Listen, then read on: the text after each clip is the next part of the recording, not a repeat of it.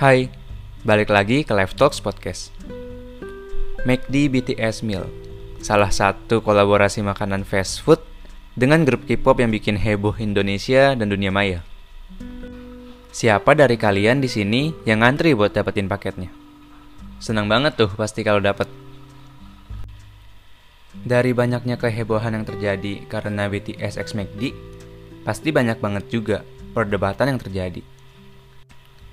Karena sebenarnya untuk McD BTS meal ini menunya sama aja dengan yang biasa. Hanya beda di saus dan packagingnya.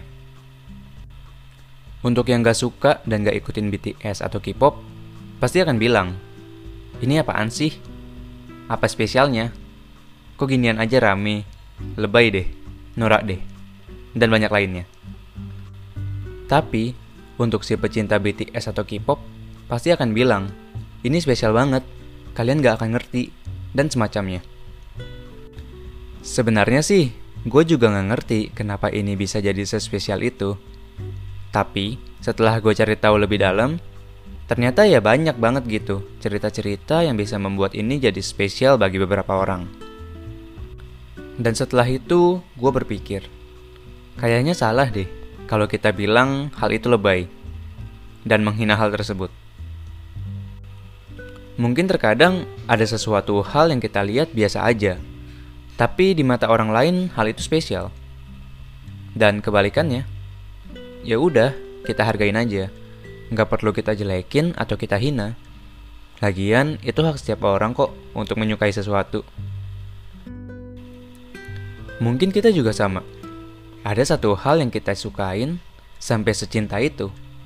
Mungkin olahraga, film, musik, atau apa pun itu.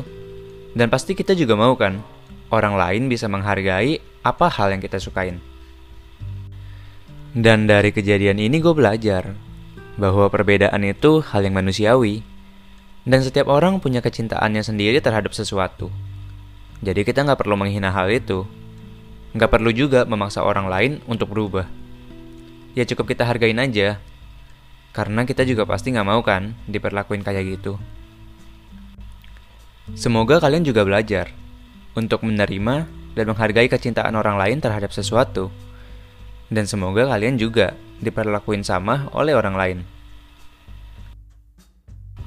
Setiap orang punya seleranya masing-masing. Setiap orang juga punya cara pandangnya masing-masing terhadap sesuatu. Jadi nggak ada salahnya untuk kita saling menghargai perbedaan itu. Sekian untuk podcast kali ini.